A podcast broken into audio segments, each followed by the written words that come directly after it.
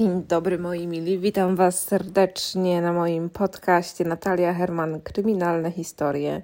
Dzisiaj tylko krótko. Chciałabym się przywitać i poinformować Was, że mam zamiar wrócić do regularnego nagrywania podcastów, to znaczy jeden podcast tygodniowo.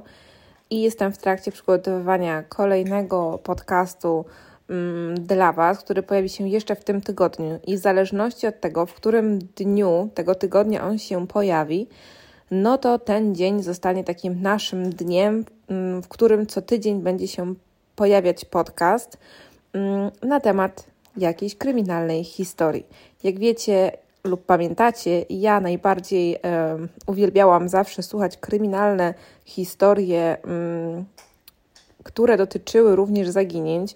Także zaginięcia to jest coś, co y, mnie najbardziej intryguje, ponieważ nigdy nie potrafię y, zrozumieć sytuacji, w której dorosły człowiek, bo przede wszystkim o dorosłych tutaj ludzi mi chodzi, wychodzi z domu i do niego już nie potrafi wrócić. I nikt nie jest w stanie dowiedzieć się, gdzie taka osoba przebywa. O ile kiedyś było to Mm, trudniejsze gdzieś tam do, do zlokalizowania, no to dzisiaj, kiedy wszędzie są kamery, e, kiedy mamy wszyscy lokalizatory w telefonach e, i jesteśmy w ciągłym kontakcie ze światem dzięki social mediom, no i ogólnej obecności w sieci, mm, no to tym bardziej jest mi ciężko zrozumieć, jak ktoś mm, jest w stanie zaginąć, ale to nadal się dzieje, dlatego to jest dla mnie tak bardzo intrygujące.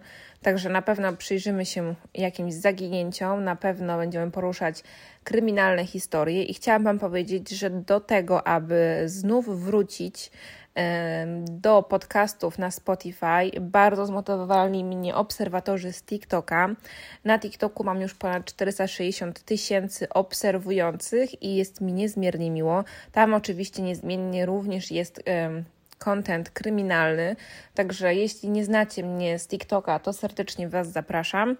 No i postaram się już teraz regularnie nagrywać na na YouTubie i na Spotify przede wszystkim, tak? Bo będzie to w formie podcastów, tak żebyście mogli sobie po prostu e, posłuchać w drodze do szkoły, pracy, mm, tak po prostu, żeby troszkę sobie mm, umilić czas. Ja też słucham podcastów e, i, i no i co? I mam zamiar dla Was tworzyć dobrej jakości materiały.